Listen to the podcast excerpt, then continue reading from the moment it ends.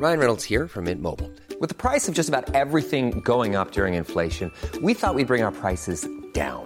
So to help us, we brought in a reverse auctioneer, which is apparently a thing. Mint Mobile unlimited premium wireless. Ready to get 30, 30, bit to get 30, bit to get 20, 20, 20, bit to get 20, 20, bit to get 15, 15, 15, 15 just 15 bucks a month. So, Give it a try at mintmobile.com slash switch. $45 upfront for three months plus taxes and fees. Promo for new customers for limited time. Unlimited more than 40 gigabytes per month. Slows. Full terms at mintmobile.com. There's never been a faster or easier way to start your weight loss journey than with PlushCare. PlushCare accepts most insurance plans and gives you online access to board-certified physicians who can prescribe FDA-approved weight loss medications like Wigovi and Zepbound for those who qualify. Take charge of your health and speak with a board-certified physician about a weight loss plan that's right for you. Get started today at plushcare.com slash weight loss. That's plushcare.com slash weight loss. plushcare.com slash weightloss. Denne episoden er i samarbeid med Kreftforeningen. Som fast giver til Kreftforeningen er du med på å skape håp og forandre liv. Og det både høres ut og er en stor ting. Men det trenger ikke å være en stor sum for deg. For prisen av bare en og en halv frossenpizza i måneden kan du bidra til forskning, behandling og hjelp til livet med kreft og livet etter kreft. Bare det utgjør en forskjell. Så gjør en forskjell. En og en halv frossenpizza. Du kan selvsagt gi mer hvis du vil, og du bestemmer selv om du gir månedlig, kvartalsvis eller halvårig. Ja, det hele er kjempefleksibelt. Det viktigste er at du som fast giver bidrar til at færre skal få kreft, og at flere skal overleve.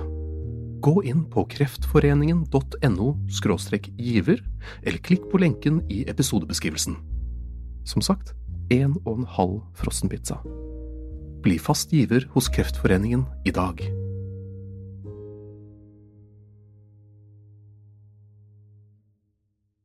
Gjenklang.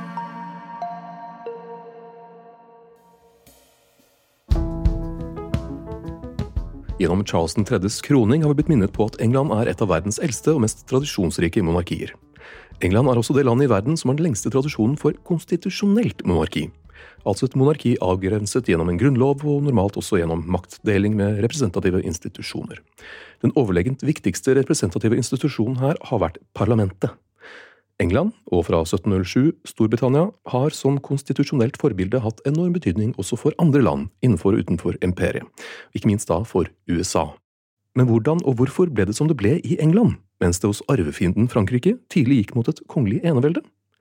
For første gang har vi med oss to gjester i studio. Rolf Hobsen, historiker og professor ved Institutt for forsvarsstudier, og Kai Østberg, professor ved Universitetet i Sørøst-Norge. Velkommen. Takk.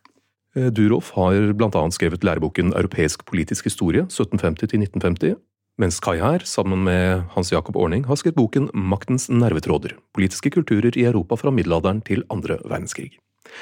Vi får starte enkelt, holdt på å si, med etymologien. Hva betyr ordet parlament, Kai?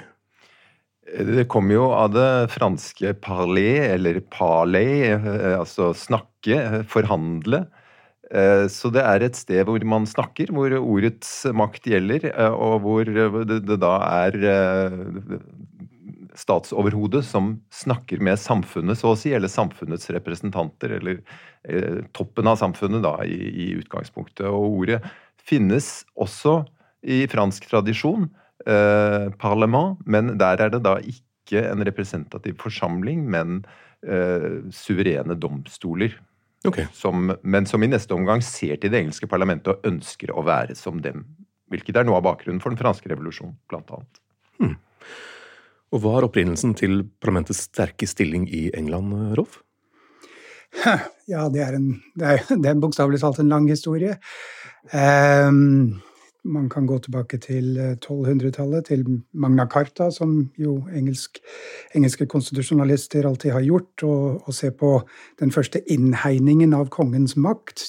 Men det var jo stormennene, som baronene, som eh, tvang Johan Utenland til å akseptere visse begrensninger i sin makt. Det er jo en lang institusjonell utvikling som også begynner litt senere på 1200-tallet, med at parlamentet blir innkalt, i hvert fall når kongen trenger penger for å føre krig. Um, ikke så regelmessig, men så blir den innkalt mer regelmessig. Og uh, det er gjerne denne dialektikken eller dialogen mellom kongen som trenger mer penger, og skattebetalerne, eller adelen først og fremst, da, som ikke har lyst til å gi ham så mye hvis ikke de får garantert noen av sine rettigheter, som de kaller det som vi ville kalt privilegier, men som de kaller friheter. Dette er en lang historie som uh, ville ta altfor lang tid å, å, gå inn på, men uh, selv om parlamentet etablerer sin posisjon i det politiske systemet som monarkiets motspiller, så så er det jo ikke gitt, selv på 1500-tallet, at det parlamentet skulle utvikle seg til å bli det dominerende politiske sentrumet i landet. Og under Tudor-dynastiet på 1500-tallet så er parlamentet veldig underordnet en kongemakt som er på vei mot eneveldet, slik som de er i andre land. Men frøet ble sådd på 1200-tallet, kan man si? Ja, og det fantes eh, forestillinger eh, som levde videre i engelsk politisk kultur og, og slo ut i full blomst på 1600-tallet, om at eh, parlamentet hadde eldre røtter og representerte en slags angelsaksisk levning fra tiden før 1066, fra normannernes herredømme. For det er jo ikke tvil om at Wilhelm Erobreren og hans sønner og etterfølgere skapte en veldig sentralisert og hierarkisk føydalstat som undertrykte den angelsaksiske befolkningen. Så det var en forestilling som ble veldig eh, utbredt på 1600-tallet, at eh, opprinnelige engelske friheter, germanske friheter eller angelsaksiske friheter var blitt undertrykket, og at parlamentets oppgave var, å gjenreise disse eh, og, og, og fravriste monarkiet de frihetene som de hadde tatt under det normanniske åket. Det kan jo også være verdt å tilføye at dette her skillet mellom overhus og underhus eh, kommer ganske tidlig i realiteten. Det begynner jo med eh, adelen og geistligheten, som er det Lords Spiritual, senere overhuset. Det er jo de som først blir innkalt, og deres oppgave er jo først og fremst å rådgi kongen. Dette er rådgivende organer, og så tiltvinger de seg denne disse andre myndighetene gjennom denne skattleggingsfunksjonen som de får, fordi kongen er avhengig for effektiv skattlegging av få samtykke. Så i løpet av allerede 1200-tallet så, så, begynner man jo da å innkalle også representanter fra byene og lavadelen som blir til commons etter hvert, selv om dette her eh, uttrykket overhus og underhus fester seg ikke før på 1500-tallet, tror jeg det er. 1400-1500-tallet. Hm.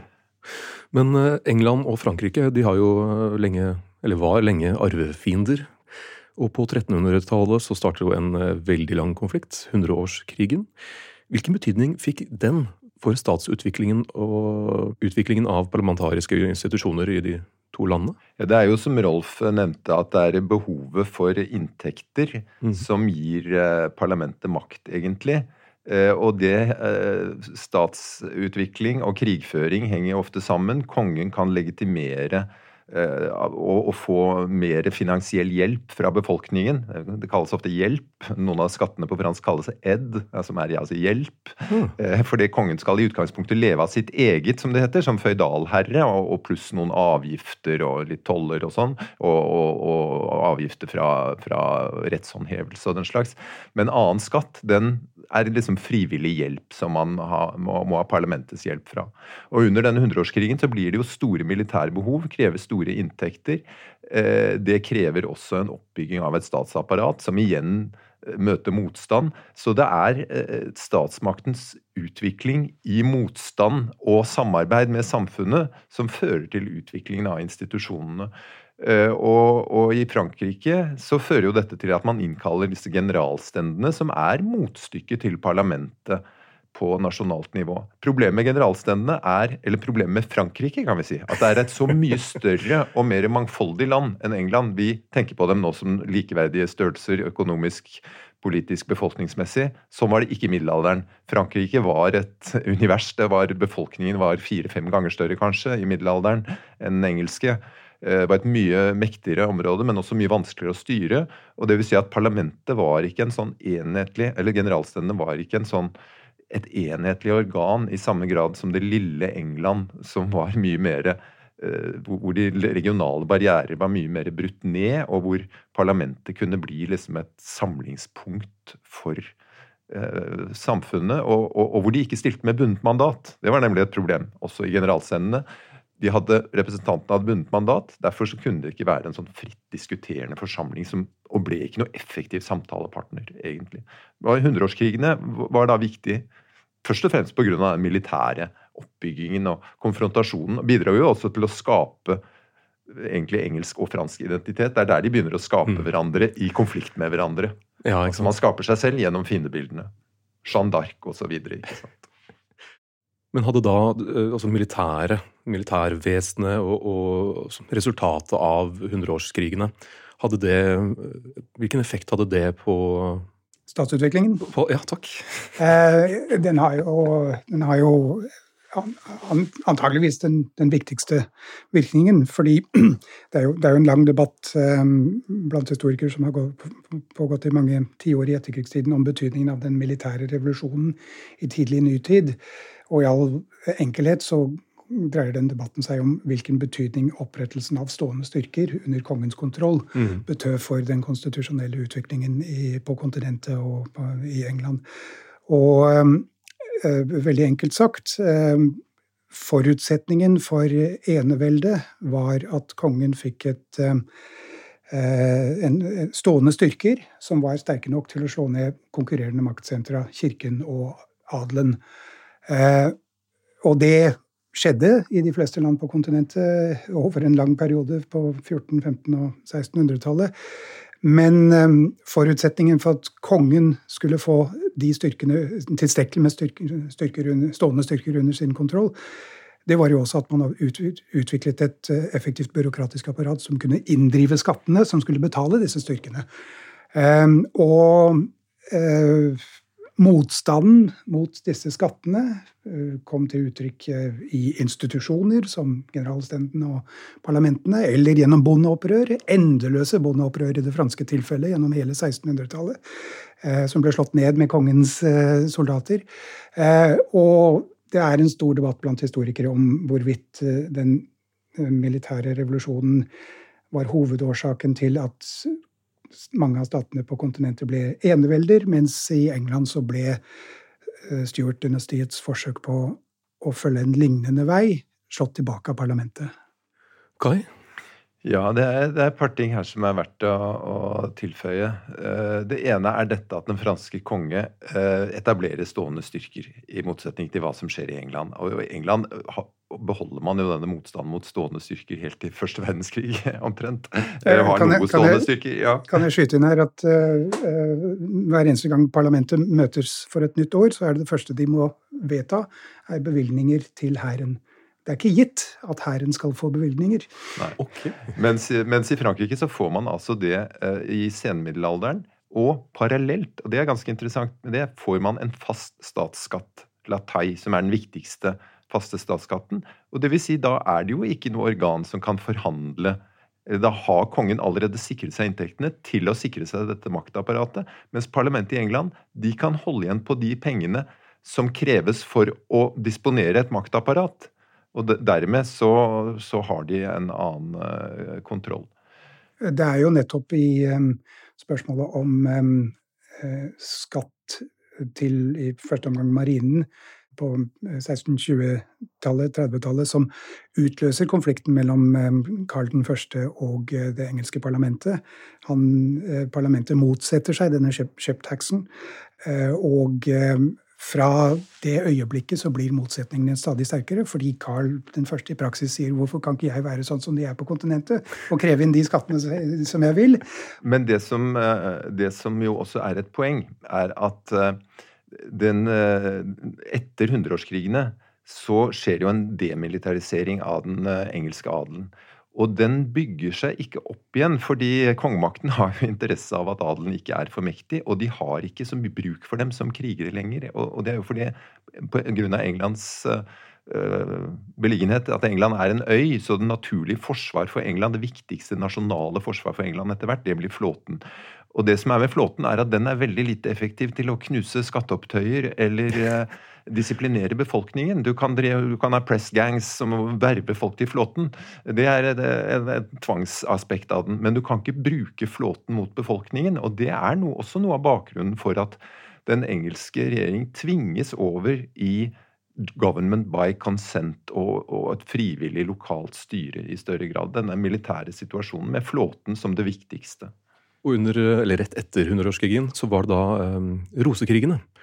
Det skapte jo rimelig rabalder innad i England. Hadde det noe å si på Englands retning? Uh, ja, det er jo da adelen slakter hverandre. Eh, sånn at den militære eh, mektige engelske militære landadel, som jo hadde spilt en enorm vært enormt kraftfull i Frankrike under hundreårskrigene, den er på en måte historie etter det.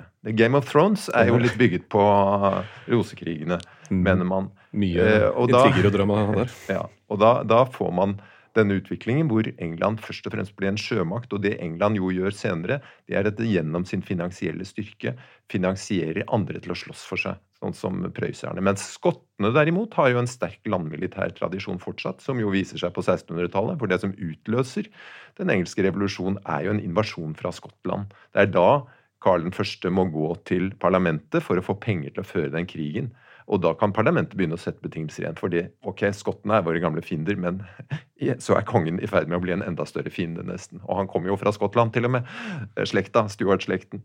Så kan jeg bare skyte inn her, Når vi først har fått i gang borgerkrigen på 1600-tallet, så um, er den et veldig sterkt argument mot denne um, ganske gjengse, uh, uh, selvtilfredse forestillingen uh, i den engelske og amerikanske offentligheten om at eh, de representerer en form for politisk system som, har, som eh, alltid har drevet med gradvis reform, og ikke driver med sånn tull som revolusjoner og, og den slags. Um, borgerkrigen kostet, altså sammenlignet med størrelsen på befolkningen, flere liv enn første verdenskrig. Eh, og um, uh, den endte jo med både at kongen ble halshugget, og at parlamentet etablerte seg eh, som et ganske eneveldig maktsentrum uten, eh, uten, eh, konkurrenter, og en republikk som varte til, eh, til slutten av 1650-årene. Så England gikk gjennom en voldsom revolusjon, en borgerkrig, og konstitusjonelle nyordninger som gjerne kan sammenlignes med det som skjedde i Frankrike fra 1790-årene og fremover. Men dette er også samtidig en viktig periode for etableringen av parlamentets makt når man senere finner eh, et mer stabilt kompromiss i denne Glorious Revolution fra 1688. For vi får jo da man blir så lei av dette puritanske Cromwellske diktaturet at hva som helst annet, og så bringer man stuartene tilbake. Og stuartene de har intet lært og intet glemt. Og, de, og det er på'n igjen. Og de blir jo også til og med katolikker ja. til slutt. Eh, det har de jo tross alt ikke vært, de to første stuartene. De har vært eh, litt Karl 1. var gift med en katolikk og litt, litt, uklar på noen punkter. Allierte seg med dem. Men, eh, men eh, James 2. Går jo åpent ut som katolikk, og det er det som får begeret til å renne over. Så der, da er det katolisisme, fransk allianse og despoti inngår i en sånn uh, giftig mikstur for, uh, for, parlamentet, som gjør at de, de, de tilkaller da uh, Mary Stuart, ikke, ikke, Mary Stuart som mistet hodet under Elisabeth, men, men datteren til James Nan, altså, og hans og hennes mann, Wilhelm av Oranien, den nederlandske konge, som han får da inn eh, dette kongeparet som blir inngå en avtale om at man skal styre på visse betingelser som er nedfelt i Bill of Rights 1689, som egentlig er frukten av 1600-tallets kamper. Nå blir det nedfelt hva er kompromisset. Verken kongen eller parlamentet skal styre alene. Det er mm. king in parliament. Mm. Og den protestantiske suksesjonen blir sikret med law settlement etter hvert. Ja. Mm. Og så er det jo en reformasjon som skjer ja. her. Ja. Hva slags effekt hadde det på de to landene? Reformasjonen bidrar jo til å, å styrke eh, den eh, sentraliserte kongemakten som er utgått fra rosekrigene. Det er jo Tudor-dynastiet som går ut med seieren eh, fra rosekrigene, symbolisert ved at Tudor-emblemet er en blanding av den hvite og den røde rosen i de to borgerkrigspartiene blant adelen. Eh, fra, slutten av 1480-årene, Henrik den 7., og hans sønn Henrik den 8. representerer en mye sterkere kongemakt enn tidligere. Men den kongemakten blir voldsomt styrket av reformasjonen og salget av kirkegodset til i praksis lavadelen i England. Det gir kongemakten en, en, en, støtte i befolkningen, altså en befolkningsgruppe som har all interesse av at den protestantiske reformasjonen lykkes, fordi en rekatolisering ville bety at de ville miste det godset som de nettopp har tatt besittelse i, og som gir da kongemakten i England en veldig sterk posisjon, så sterk at i praksis Tudor-dynastiet har ganske god kontroll over parlamentet gjennom resten av 1500-tallet. Det er ikke mange antydninger til demokratisk utvikling i parlamentet under Tudor-dynastiet. Men eh, denne staten er annerledes enn den franske på den måten at eh, den er mye mer sentralisert, og den har fått en veldig sterk kongemakt. Og den kongemakten er ikke fullt så truende fordi den ikke har en stående hær på samme måte som de franske kongene og andre kontinentale konger eh, oppretter. Det vi kan si er jo at Elisabeth hun er jo veldig flink til å manage parliament, eh, som jo er noe som kommer tilbake på 1700-tallet, hvor også regjeringen har god kontroll over eh, valgene. Og over parlamentsrepresentantene, som de styrer ved hjelp av korrupsjon og favors og stillinger og sånne ting. Uh, og det er jo der uh, stuartene er noen forferdelige kløner, da. De tror de kan greie seg uten. Uh, så selv om kongemakten er sterk, så greier man seg ikke uten denne her samtalepartneren. Men det er jo blant annet det at konge, det er ikke noen faste regler for når parlamentet skal innkalles. Så kongemakten kan greie seg uten parlamentet lenge av gangen. Og det er det som er i Frankrike, at Eh, kongemakten kan innkalle generalstendene når, det, når, de trenger det. Og der finner de ut etter 1614 så trenger vi det ikke mer. Og så går det 175 år. Og neste gang de innkaller dem, så er det slutt på kongedømmet. Det, det, er 1789. Mens, mens, noe av det som kommer i 1600-tallet, eller tidlig krav fra parlamentet, er jo dette med at det skal være treårige parlamenter, minst. Og at det ikke er kongen som skal regulere dette. Og det etableres da men når det, når det, da er etablert, så uh, sørger jo parlamentet for å dra stigen opp etter seg. Og, og, bestemmer at det bare skal være hvert syvende år, da, for det blir jo et sånt oligarkisk system på 1700-tallet. Men da har vi hoppet litt langt frem igjen. Ja, men, men eh, det, jeg kunne gjerne skyte inn der at det, det, er et viktig poeng, dette her med at uh, den såkalte Glorious Revolution i, i 1688, den er ikke et voldsomt skritt i retning av det som vi ville kalle demokrati, sammenlignet med det som skjedde på midten av 1600-tallet. Altså En engelsk historiker, Austin Woolrich, har sagt at Cromwell, selv Cromwells diktatur var det nærmeste noe land kom på 1600-tallet et konstitusjonelt styre, et konstitusjonelt monarki. Det som skjer i 1688, det er en, en palassrevolusjon, der adelen eh, henter eh, en, en protestantisk fyrste fra kontinentet Eh, fordriver disse her stuartene som eh, korrumperer hele eh, landet på forskjellige måter, og gir Wilhelm den tredje, som han heter i England, kongekronen i personalunion med, med, Nederland, under betingelse av at han aksepterer visse friheter. Og disse grunnleggende frihetene er jo svært viktige for i engelsk historie. F.eks. uavsettelige dommere som skulle tolke loven uten å måtte frykte at de skulle bli sparket hvis de eh, dømte på en måte som de mektige ikke likte. Eh, også etter hvert eh, presselovene. fra England har ikke hatt presselover på 300 år. Eh, ikke, sensuren ble opphevet på begynnelsen av 1700-tallet. Eh, eh, og, og, dette som Kai snakket om, dette er King and Parliament, dette elitesamarbeidet mellom, mellom adelen og kongen, som var det som Eh, filosofer som Voltaire fra 1721 og andre Montesquieu eh, beundret ved det engelske systemet. En, en, en, rekke grunnleggende friheter ble habius corpus, det at man ikke kunne holde en person i fengsel uten å sikte dem, eh, ble, ble slått fast i England på en måte som det overhodet ikke var på kontinentet. Det var disse frihetene som man beundret sånn på kontinentet. Og trial by jury? kan trial by jury, ja. ja. Um, enkelte land har Tyskland har fortsatt ikke innført juryordningen. Um, så det er, det er, en institusjon som var svært viktig. Det, det, å bli, det, å bli, få sin sak vurdert av sine peers, av, sine jevne, den jevne mann. Mens adelen selvfølgelig ble dømt av sine. Det var, det var svært viktig i denne tiden. Altså som en kontrast til andre land, da. Eh, ja, og i denne sammenheng så er det jo verdt å understreke dette med lovens autoritet i England. At det blir opphøyet til en eh, veldig til en sakral størrelse. At det skal være et lovstyre.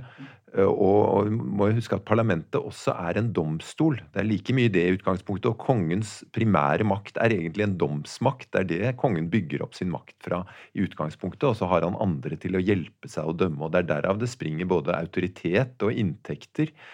Og, og denne her eh, lovens autoritet eh, gjør at de styrende på en måte kan påberope seg på, på samme måte som man kan påberope seg Guds velsignelse, så kan man på en måte påberope seg å forvalte en slags Ikke en e, evig og uforanderlig lov, men en lov som i hvert fall veldig, er veldig sterkt nedfelt i tradisjonen. Og det gir jo også dette herre antirevolusjonære eh, ideologien som gjør at nå, nå har Rolf snakket mye om den engelske revolusjon. Engelskmennene snakker jo lite om den engelske revolusjonen. Det var ikke før på 1800-tallet at Cromwell fikk en statue i det hele tatt. Han er jo en av de mest betydelige. Han var jo også øh, han var jo forhatt i Irland, nødvendigvis. Det er jo han som virkelig grunnla skal vi si, det der hatforholdet irene har til, til engelskmennene. Men han var jo en betydelig statsmann som også bidro til den konstitusjonelle utvikling.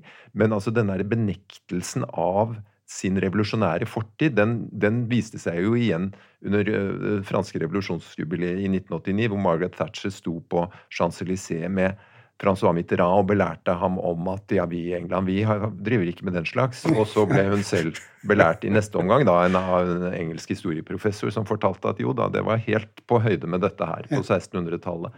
Men også disse som da gjennomførte The Glorious Revolution og nøt godt av den, og så etablerte dette oligarkiske styret gjennom parlamentet og gjennom lokalstyret, hvor de satt også med sine eh, representanter de ønsket liksom å distansere seg fra det revolusjonære elementet i dette.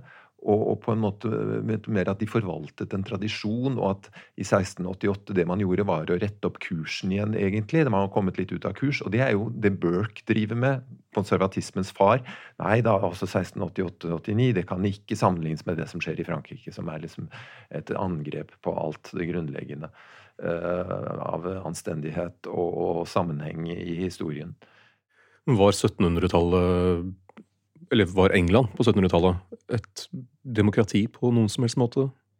Det var et oligarki. Det var et aristokratisk oligarki. Eh, det var, eh, men det var jo elementer av det vi forbinder med demokrati, i den forstand at det var en valgt forsamling. Det var et stemmerett. Det var Eh, det var valg, og til og med noen av de valgene var reelle. Slett ikke alle, for det, men at det var valg mellom forskjellige kandidater hvor stemmetall kunne avgjøre om den ene eller den andre kom. Men de fleste parlamentsplassene var jo kontrollert enten av kongemakten eller av lokale størrelser. Og de, de mest ekstreme tilfellene så var det jo snakk om såkalt pocket boroughs eller rotten boroughs, som var eh, store aristokratiske familiers personlige eiendom, hvor de kunne sette inn hvem de ville. Eh, og, så er det jo et poeng at eh, det er først et godt stykke inn på 1800-tallet at eh, Underhuset begynner å bli viktigere enn Overhuset. Overhuset på 1700-tallet kontrollerer Underhuset, i tillegg til at du har kongens direkte korrupsjon av av eh, mange representanter, så har du jo også det engelske systemet som man fortsatt har nå, at ministrene sitter i parlamentet. Så du har i hvert fall 100 personer som alltid kommer til å støtte regjeringen fordi de, eh, fordi de er, også er eh, ministre.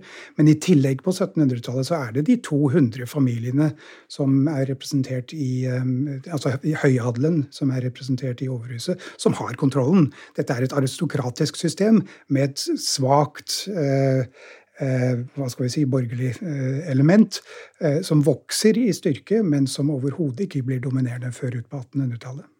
Men det man kan si, er at Og det er en slags parallell til Magna Carta. fordi at Historikere som har studert Magna Carta, de sier at i all verden, hvorfor, hvordan kan dette være et konstitusjonelt dokument som er grunnlaget for Englands uh, frihetstradisjon osv.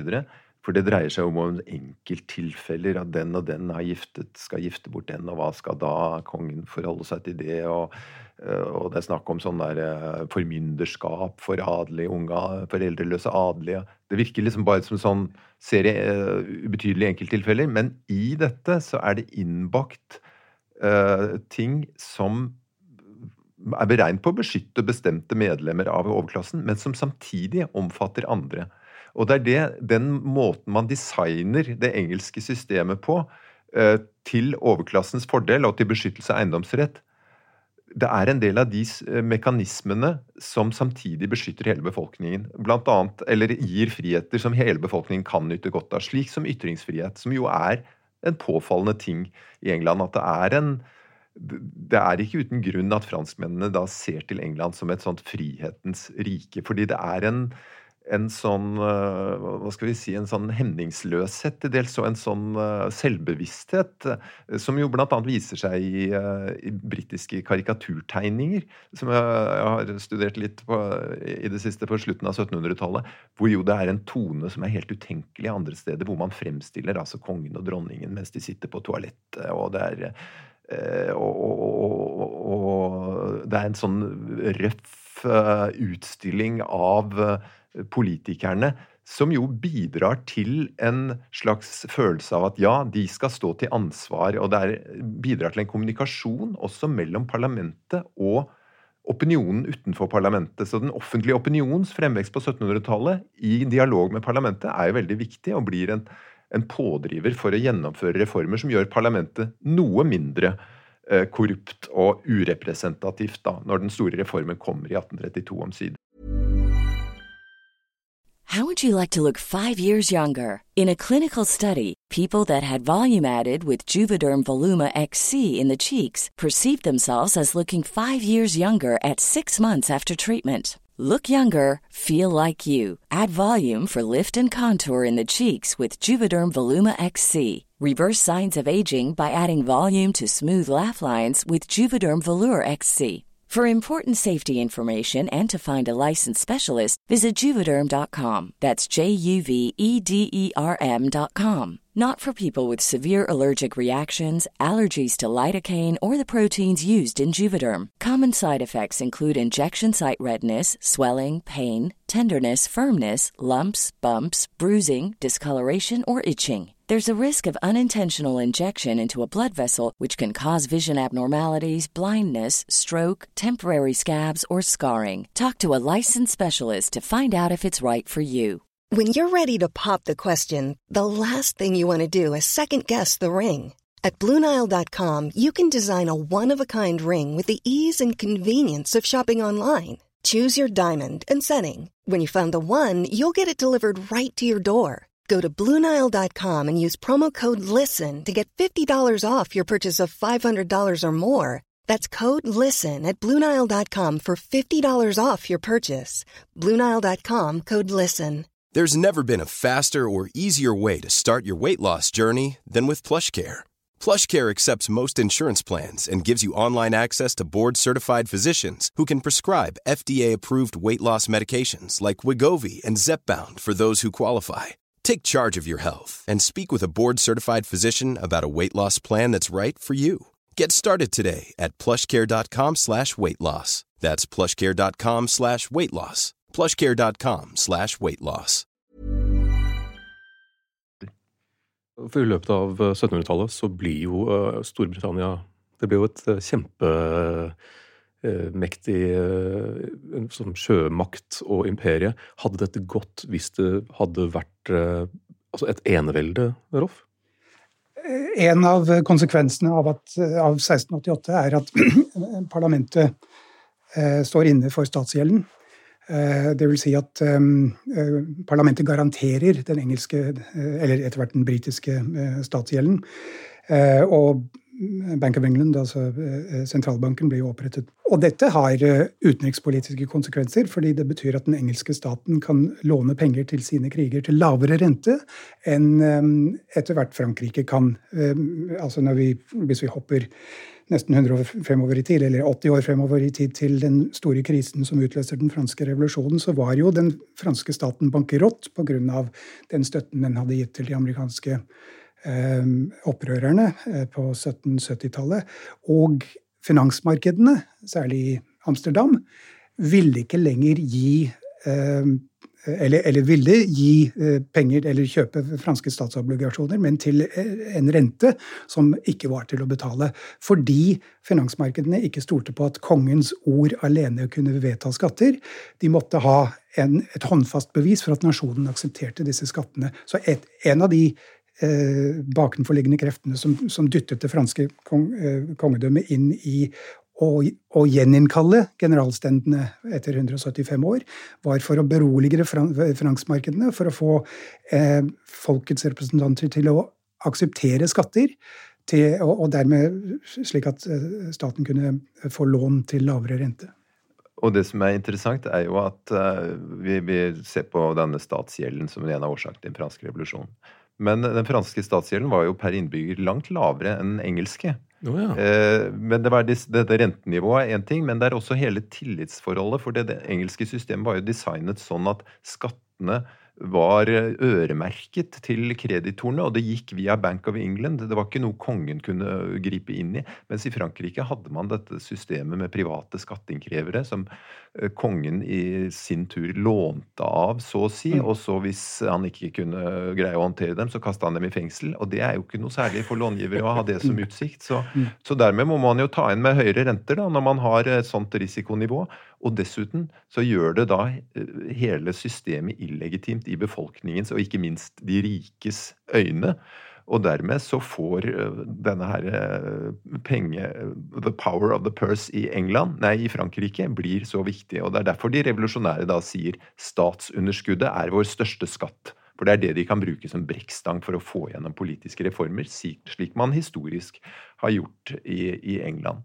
Men det er altså ikke det at Frankrike er noe fattig. Det er det slett ikke. Men eh, det er forholdet mellom kongemakt, finansmyndigheter og opinion, eller finansinstitusjoner og opinion som er mye mindre preget av transparens og, transparens og tillit. Og kreditt, det har jo å gjøre med tiltro, og det har altså både en politisk og en økonomisk side.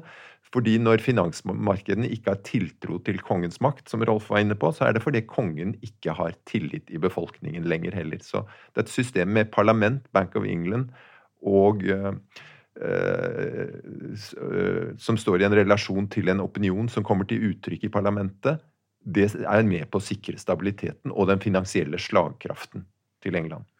Den amerikanske revolusjonen skjedde jo også her, som nevnt. Var det bare en uavhengighetskrig? Var det noe mer der? Rolf? Ja, Kai har sikkert sine ting å si om det, men jeg vil fremheve to interessante ting. og Det ene er jo selvfølgelig at revolusjonen, slik vi kjenner fra utallige fremstillinger, var et opprør mot et eh, korrupt og oligarkisk eh, engelsk system, og et monarki som ble oppfattet som, eh, som for dominerende. Og selvfølgelig også et opprør mot at altså, amerikanerne skulle skattlegges. Um, uten at de hadde representasjon i, i parlamentene. Så det, alt det der er vel kjent. Men det var et annet aspekt ved det engelske systemet som um, uten tvil også bidro til det amerikanske opprøret, og det var uh, sedvaneretten. Uh, en berømt dom, uh, Somerset-saken i 1772, der Engels, Engels, Englands øverste dommer um, Eh, slo fast at eh, sedvaneretten var ufor, eller slaveriet var uforenlig med sedvaneretten. Denne Sameset var en eh, slave eid av en amerikaner som hadde stukket av fra ham i England. Og spørsmålet var om han kunne leveres tilbake til sin eier eller ikke.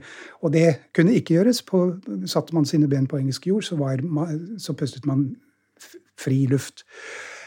Og denne dommen denne tolkningen av sedvaneretten, denne autoritative tolkningen av Englands høyeste dommer, var en direkte trussel mot eh, slaveriet som institusjon i Amerika, som der de 13 koloniene også var fundert på eh, sedvaneretten.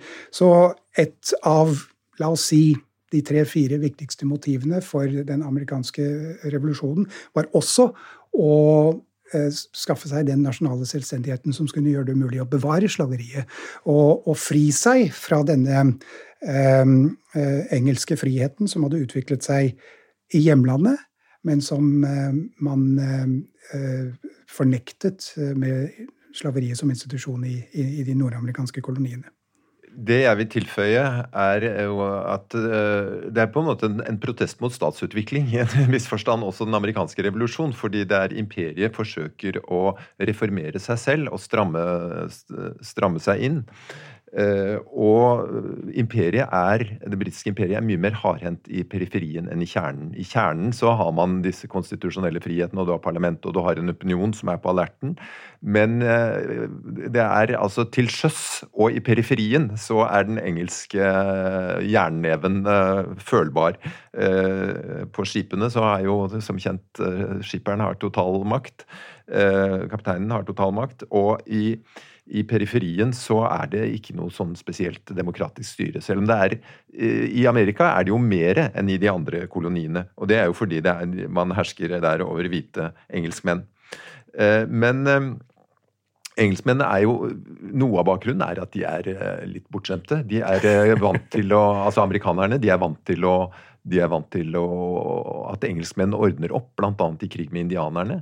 Og når de da får påbud, beskjed om at de må finansiere disse krigene selv i større grad mot indianerne, protesterer de mot dette. Og det skal jo bl.a. finansieres ved å håndheve den merkantilistiske politikken, og som innebærer et bortfall av muligheter for å smugle, hvis man slår hardere ned på smugling. Så det, også det er jo en av de mindre sånn gloriøse ting. Og dette her Boston Tea Party det er jo knyttet til den problematikken at man liksom ikke lenger står fri til å handle som man vil innenfor det merkantilistiske, imperiale systemet. Og så er det jo et par ting til uh, som er interessant ut fra det vi har snakket om, nemlig at befolkningen i Amerika består jo til dels av folk som har flyktet fra det engelske systemet eh, på 1600-tallet, og hvor republikanske tradisjoner har blitt holdt i hevd, og puritanske tradisjoner både religiøst og politisk så er de mer radikale og arkaiske i en viss forstand. Eh, og de har jo også kunnet opprettholde dem i større grad, i og med at de er på, på lang avstand fra sentralmakten.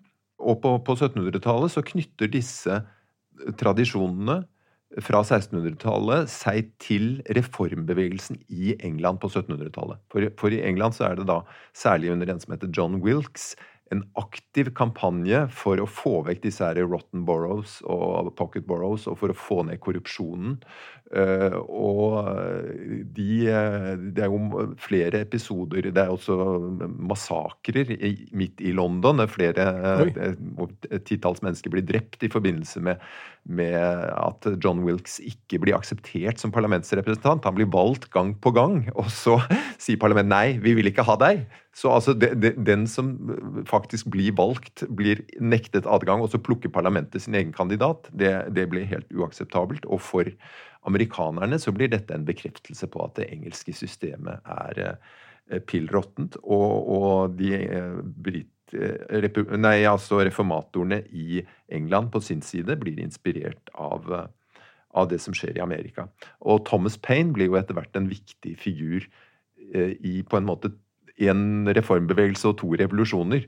Eh, fordi han er en en engelsk da, politisk aktivist som er tilhenger av reformbevegelsen i England, drar til Amerika og skriver den viktigste boken der, 'Common Sense', som er et angrep på monarkiet, og blir jo senere en, eh, en utsending til den franske revolusjonen og sitter i den franske nasjonalforsamlingen også, er Burkes motpart.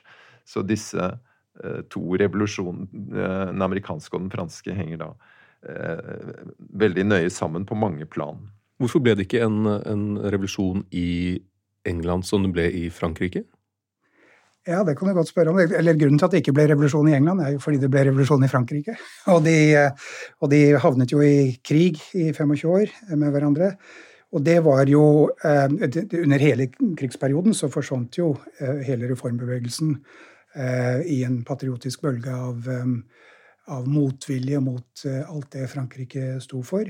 Slik at England kom ut av revolusjons- og napoleonskrigene som et samfunn som var, fortsatt var fullstendig dominert, eller et politisk system som fortsatt var fullstendig dominert av aristokratiet, og forble det i et par tiår etter, etter 1815. Det fantes reformkrefter, og de våknet til liv igjen etter, etter at den patriotiske bølgen hadde lagt seg. Men det var først i 1832 at det virkelig kom til en første grunnleggende reform av det politiske systemet som eh, beveget eh, representasjonen et lite skritt, må man si, i retning av Eh, en mer rettferdig representasjon. Det var jo valgkretser som ikke hadde blitt nytegnet siden Elisabeth den førstes tid på 1500-tallet, der det bodde syv velgere. I, Cornwall var det slike valgkretser. Som Kai snakket om, så var flere av disse pocket, pocket barrels som var i lomma på den lokale godseieren, som plasserte hvem man ville i, i disse Eh, valgkretsene. Og fremfor alt så hadde befolkningen endret seg eh, dramatisk ved den industrielle revolusjonen. Mm. Det var eh, store byer i Nord-England som ikke hadde representasjon i det hele tatt. Eller veldig liten representasjon. Manchester, Liverpool, Leeds osv. Og, og det som da skjedde i 1832, det var jo at valgkretsene ble nytegnet til, og ble litt mer rettferdige. Ikke voldsomt, men litt mer rettferdige og stemmeretten ble noe utvidet. Dvs. Si den ble noe utvidet eh, ved å innføre eiendoms- og inntektsbegrensninger for menn. Men den ble innskrenket ved at eh, noen kvinner som hadde hatt eh, stemmerett tidligere, nå ble endelig ekskludert fra stemmerett. Stemmeretten var knyttet til eiendom. og hvis man... man Kvinner fikk ikke eie? Jo da, kvinner kunne eie. Eh, riktignok eh, var det mannen Hvis de var gift, så var det mannen som eide alt det de hadde med seg inn i ekteskapet. Men, eh, men tidligere så kunne kvinner som eide f.eks. Et, et hus, mm. i noen tilfeller stemme. Den muligheten ble avskåret i 1832. Men dog, altså det som skjer altså En åttendedel av den mannlige befolkningen får stemmerett, og det er en utvidelse i, i de gamle engelske historiebøkene så sto det at eh, middelklassen kom til makten, og det var langt fra det som skjedde, men det var en sterkere representasjon, særlig av de nye økonomisk viktige områdene i Nord-England, der den industrielle revolusjonen hadde foregått. Og det endret parlamentets eh, sammensetning, og det styrket Underhusets eh, eh, makt, eh, eller relative posisjon, innenfor dette systemet. Og det er ingen tilfeldighet at eh, etter at dronning Victoria kommer til tronen, eh, bestiger tronen i 1837, så går det mm, et par år, jeg tror det er i 1841, at hennes eh, statsminister sier til henne at eh, jeg vil anbefale Deres Majestet å velge en statsminister fra det partiet som har flest representanter i Underhuset. Og da kan man si at parlamentarisme er innført på en veldig rolig måte, uten de kampene man hadde i Norge. Den, det var en praksis som tydet i den retningen lenge før dette her. Men, men Reformen i 1832 var forutsetningen for at Underhuset og parlamentarismen skulle få bli tyngdepunktet i systemet. Vi kan jo si at uh, noe av bakgrunnen for uh, at reformen blir mulig Vi har jo egentlig snakket en del om tregheten i systemet som, gjorde, som, gjør at det tar så lang tid. Men noe av det som gjør at det blir mulig, er jo at uh, aristokratiet mister så mye legitimitet ut fra sin oppførsel etter krigen, egentlig, hvor de sitter og meler så tydelig sin egen kake, bl.a. med disse berømte kornlovene, som innebærer at eh, at man da ikke får importere korn før prisnivået har nådd et ganske høyt nivå, da, for å sikre disse store landeierne deres inntekter. Eh, og det er jo dette reformerte parlamentet som da noen år Ja, det går jo nesten 20 år, da, riktignok, men da, da opphever man jo disse korndovene, bl.a. i møte med den sultkatastrofen i, Irland. Eh, men, men, det er også ja, det er liksom den økonomiske dimensjonen av dette her som gjør at middelklassen da vender seg bort på en måte fra de styrende. Det er jo en som heter Harold Perkins som har snakket om the abdication on the part of the governors. At de eh, på en måte eh, gir avkall på den eh, samfunnsautoriteten de har hatt gjennom sin for åpenbare egoisme. Og hvis jeg kan knytte an til noe som Kai sa for et øyeblikk siden. Parlamentet blir i langt sterkere grad et et fokus for reformbevegelsene i samfunnet. Vi har snakket om reformbevegelsene på 1760-tallet, men den, den virkelig stor, første store massebevegelsen som, um, som mobiliserer hundretusenvis, om ikke flere, av mennesker i England, og som blir avbrutt av den franske revolusjonen, Eh, er, eh, og krigen mot Frankrike, det er eh, antislaveribevegelsen som sender sine Altså man har en rett til å sende petitions, altså underskriftskampanjer, til parlamentet. Enorme mengder med underskrifter samles inn for, for å avskaffe slaveriet, eller i hvert fall slavehandelen i første omgang. Og dette er den første store det første, det første store eksempelet på hvordan den borgerlige offentligheten som man gjerne snakker om, bruker parlamentet, eller forsøker å påvirke parlamentet. Og etter denne valgrettsreformen i 1832 eh, eh, så er det frihandelsbevegelsen som, eh, som på tilsvarende måte mobiliserer befolkningen for å avskaffe proteksjonismen og gjøre brød billig. Og det er et, et, program som, et, programpunkt som er direkte i strid med aristokratiets interesser, men tjener interessene til den nye arbeiderklassen som bruker minst halvparten av sin lønn på, på, eh, på brød. Og til de som eh, ansetter dem og betaler lønna deres, som ja. da kan betale noe ja. mindre lønn fordi de ikke ja. må bruke så, så mye på det, liberale partiet som vokser frem omtrent på denne tiden, eh, er jo eh, er en oppsamlings ikke punkt, en et kar, oppsamlingskar for alle dem som står utenfor det britiske, det engelske establishment, det anglikanske establishment, eh, høyadelen eh, og eh, Sør-England. Altså de som står utenfor, det er dissenterne, metodistene, frikirkene. Det er de keltiske områdene. Wales, Skottland og, og, og Irland.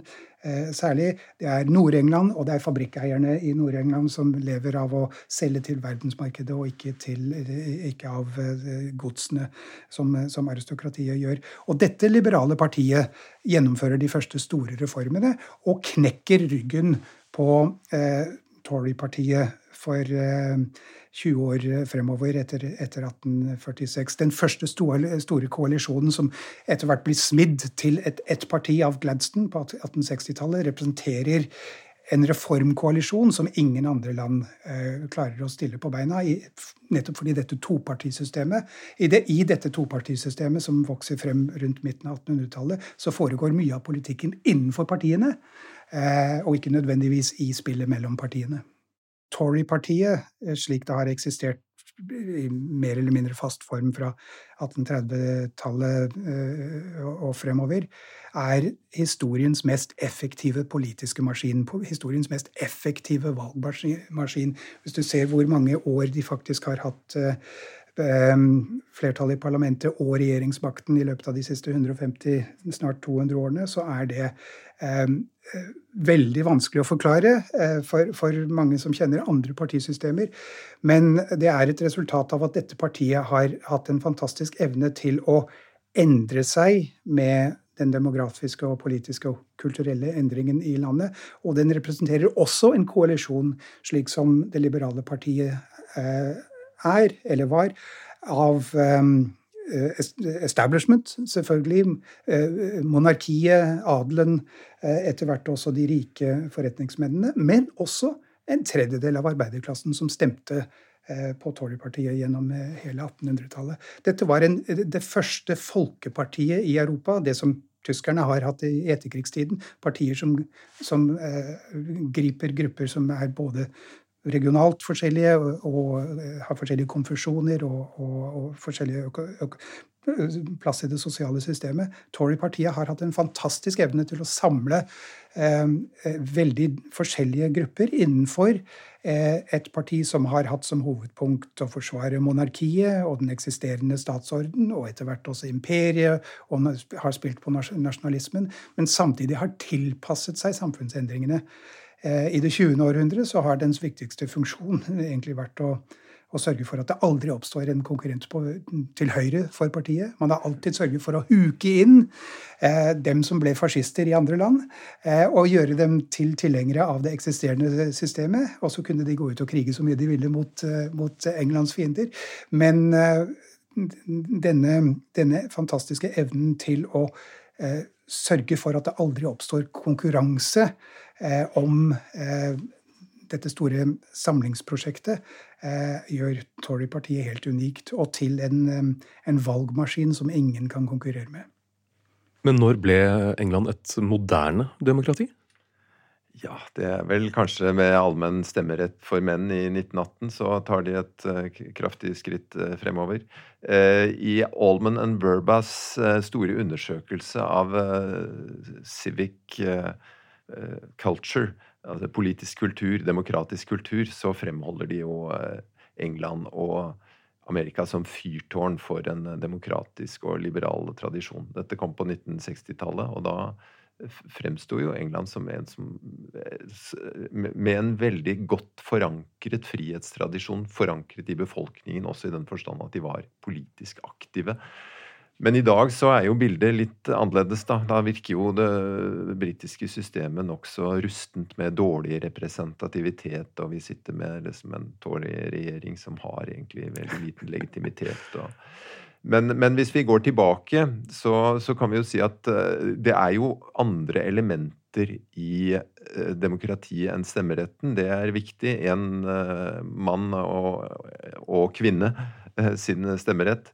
Eh, men, eh, men vi, vi, lever jo i et liberaldemokratisk system, så også dette liberale elementet er viktig, som dreier seg om avgrensningen av statsmakten. Og der er det som skjer på 1600-tallet ganske viktig, ved at det blir nedfelt en kontrakt mellom den utøvende makt og den representative makt, og at rettssikkerhetsgarantier er garantert. Fordi et, et demokrati hvor man kan gjøre hva man vil med borgerne, det, det er jo da, da, vil vi si at det mangler noe.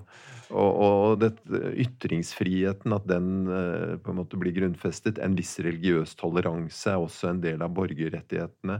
Eh, parlamentarismen, at dette representative organet får betydning for hvem som utøver makten. Og det er jo eh, viktige ansatser til det. Altså, skrittene mot parlamentarisme begynner jo på 1700-tallet tross alt, selv om det er kongen som formelt utnevner regjeringen, så er han jo avhengig av å kunne arbeide med parlamentet.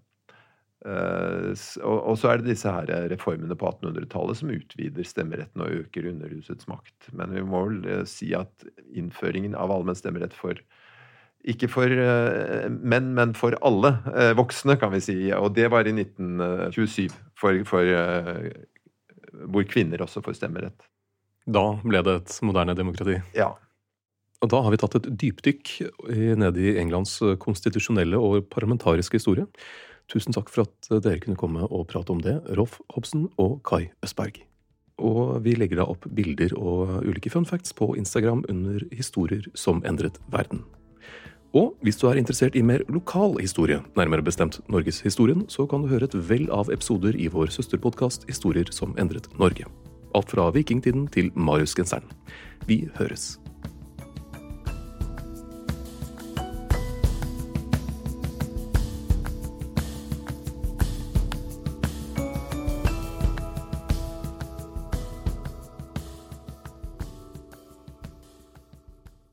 Gjenklang.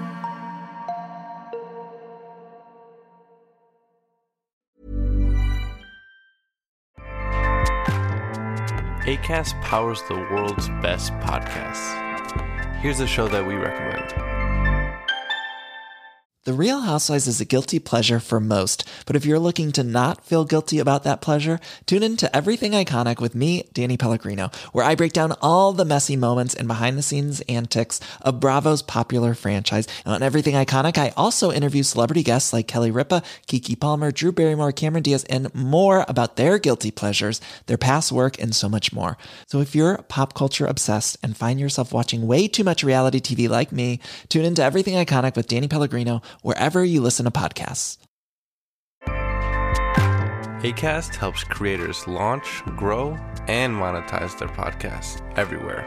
ACAST.com.